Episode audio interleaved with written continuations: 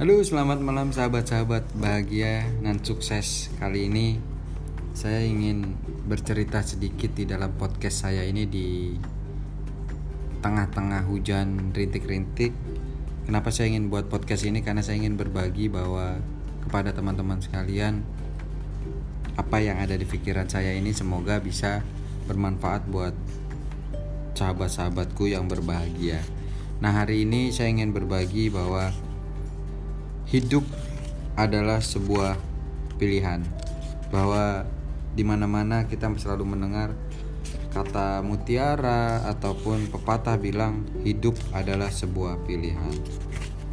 Nah, pada podcast hari ini saya ingin berbagi eh, poin-poin penting ataupun ilustrasi bahwa kenapa sih hidup ini selalu menjadi pilihan. Nah, saya ingin berbagi sedikit. Segala kejadian yang terjadi pada diri kita dalam kehidupan sehari-hari ini secara praktis bisa dibagi menjadi dua kelompok besar yaitu manusia dipaksa dan juga manusia bebas berbuat. Apa sih maksudnya manusia dipaksa dan manusia bebas berbuat? Nah, saya akan rincikan satu persatu poin tersebut. Nah, manusia dipaksa dalam konteks ini adalah semua kejadian yang menimpa manusia memang benar-benar dipaksakan harus terjadi kepadanya. Dan kita tidak mampu untuk mengontrolnya. Contohnya, yang pertama adalah kejadian yang berhubungan dengan hukum alam.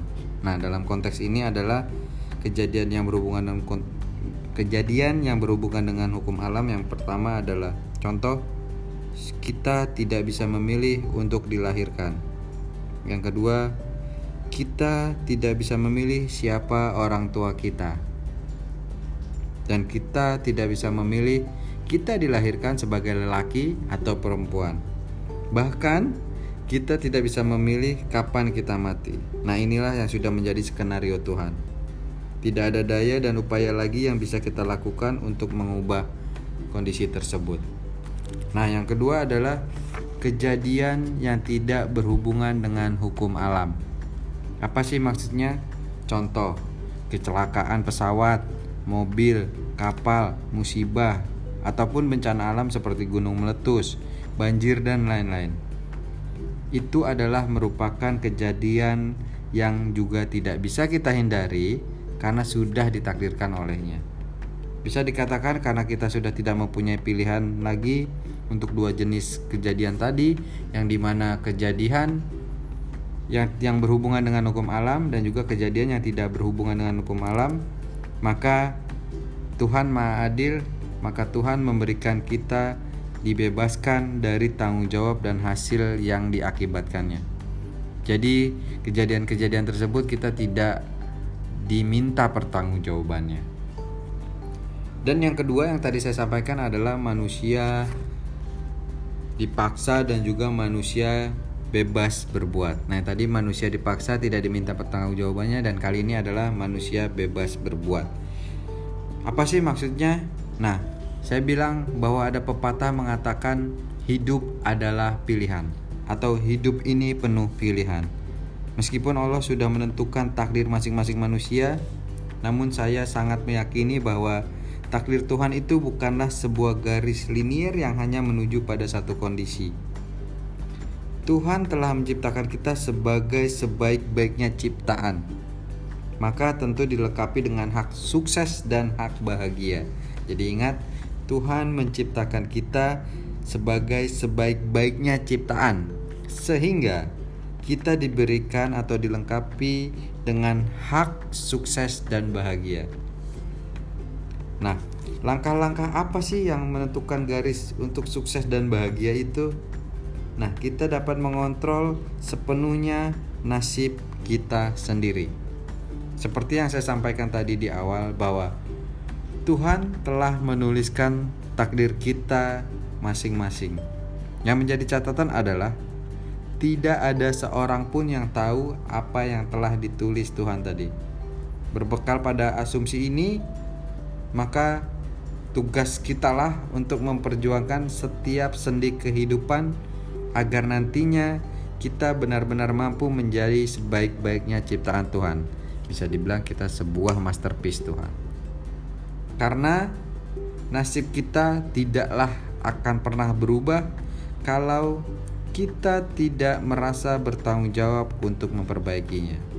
Dalam hal ini, saya akan memberikan sedikit alasan kenapa kita sudah diberi pilihan untuk menentukan nasib kita sendiri. Ingat, kita sudah diberi pilihan untuk menentukan nasib kita sendiri. Kenapa saya bilang seperti itu? Karena tentunya ada konsekuensi yang akan kita terima atas pilihan tadi. Konsekuensinya bisa berupa kebahagiaan karena kita telah memilih jalan yang tepat, baik, benar untuk kita. Atau sebaliknya, kita justru hanya mendapatkan kesengsaraan karena telah salah memilih langkah. Nah, itu yang saya sebut tadi bahwa kita berhak menentukan nasib kita sendiri. Nah, ada sedikit cerita yang ingin saya sampaikan. Mungkin untuk teman-teman bisa menjadi pembelajaran dan bisa menjadi inspirasi. Saya pernah bertemu seorang yang menurut saya adalah orang yang positif.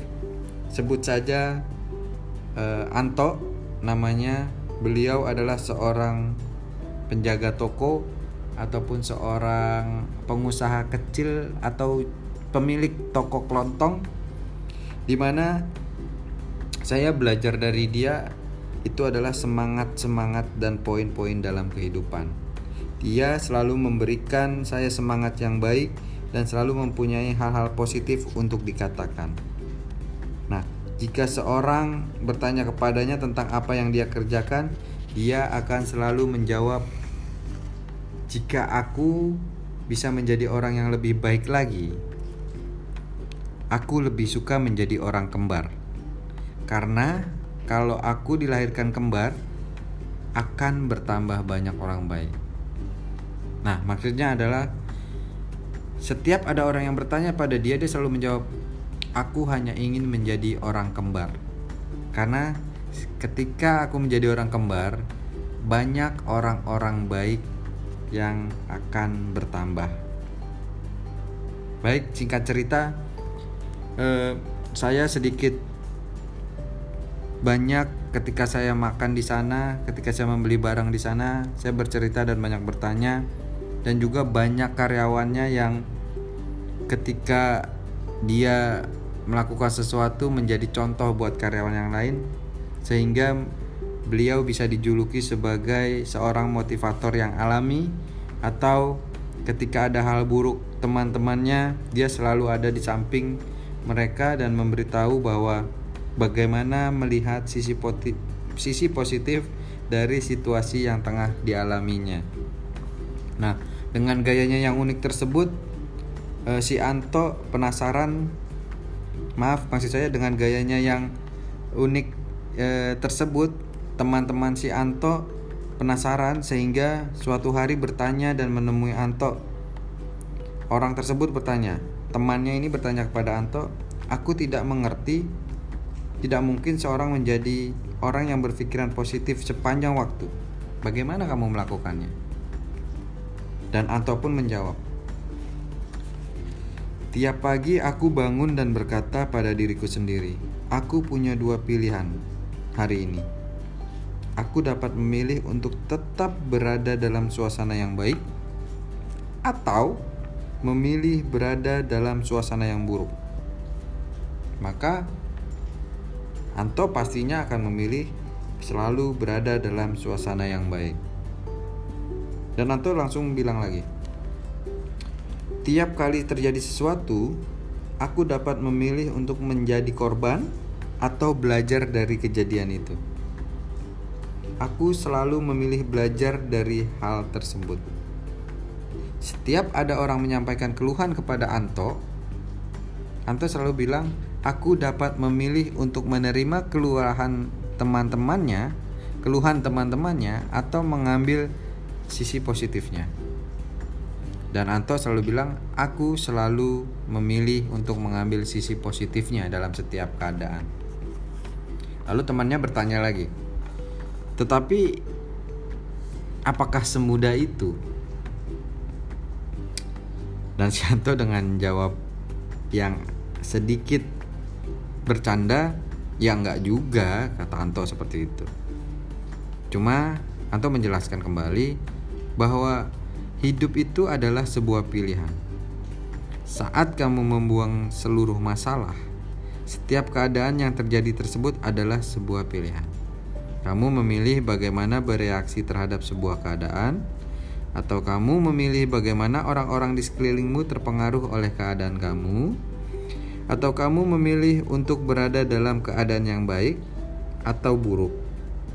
Nah, itu pilihan kamu. Begitu seharusnya kita hidup. Nah, jadi dari menurut si Anto dari cerita ini adalah bahwa setiap menghadapi sesuatu pasti memiliki keadaan-keadaan yang menjadi pilihan kita. Yang pertama adalah kita bisa memilih bagaimana kita bereaksi kepada sebuah keadaan. Yang kedua, bagaimana orang lain sekelilingmu terpengaruh dengan keadaanmu, atau bagaimana kamu bisa berada dalam keadaan yang baik atau buruk. Itu semua pilihan kamu. Nah, lambat cerita, panjang cerita, akhirnya dia menceritakan bahwa beberapa tahun kemudian dia bertemu temannya dan mendengar bahwa si Anto ini menerima musibah yang tak pernah terpikirkan akan terjadi kepadanya. Suatu pagi, si Anto sedang membereskan eh, dagangannya, sedang membereskan tokonya. Tiba-tiba ada sekelompok perampok, dua atau tiga orang bersenjata akibat gara-gara si Anto lupa mengunci pintu. Nah, saat mencoba membuka, eh, maksud saya saat Perampok tersebut mencoba meminta Anto membuka berangkas. Si Anto ketakutan, si Anto merasa gemeteran dan sampai dia lupa kombinasi berangkas uang yang dia kumpulkan menjadi tabungannya itu. Sehingga dengan melihat Anto tersebut si perampok ini menjadi panik. Dengan paniknya akhirnya dia menembak si Anto tiga kali atau dua kali dan akhirnya si Anto terjatuh dan terkapar di bawahnya untungnya si Anto segera ditemukan dan segera dibawa ke rumah sakit setelah itu setelah di rumah sakit si Anto menjalani operasi kurang lebih 18 jam dan perawatan intensif selama seminggu Akhirnya Anto dapat meninggalkan rumah sakit dengan beberapa bagian peluru masih berada di dalam tubuhnya. Nah, temannya men menyambangi si Anto setelah 6, 6 atau e, eh, 5 atau 6 bulan setelah kejadian itu, maka temannya bertanya pada si Anto mengenai keadaannya. Dan dia bertanya, jika maksud saya dan dia menjawab Sianto menjawab kan temannya bertanya bagaimana keadaanmu dan Sianto menjawab jika aku bisa menjadi orang yang lebih baik aku lebih suka menjadi orang kembar. Kembali pertanyaan yang di awal. Prinsipnya adalah ketika aku men, ketika aku bisa menjadi orang baik aku lebih suka menjadi orang kembar. Kenapa? Karena dia bi agar bisa melihat luka-luka yang ada di tubuh Anto. Dan temannya akhirnya e, melihat luka-lukanya, tetapi dia masih saja bertanya pada Anto dan apa sih yang difikirkan Anto saat terjadi perampokan itu? Anto pun menjawab dengan senyuman yang ramah, senyuman yang penuh energi positif. Dia menjawab, hal pertama yang terlintas dalam pikiranku adalah bahwa aku seharusnya mengunci pintu belakang. Jawab si Anto. Kemudian setelah mereka menembak dan aku tergeletak di lantai, aku ingat bahwa aku punya dua pilihan. Aku hidup atau aku mati. Dan dalam keadaan tersebut aku memilih untuk hidup. Lalu temannya bertanya lagi, "Apa kamu tidak takut?" Jerry melanjutkan. Maksudnya, Anto melanjutkan uh, ceritanya. Para dokter yang hebat, mereka terus berkata pada aku bahwa aku akan sembuh.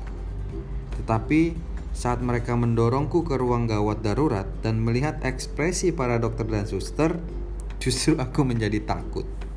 Mata mereka berkata, "Orang ini akan mati." Aku tahu, aku harus mengambil tindakan.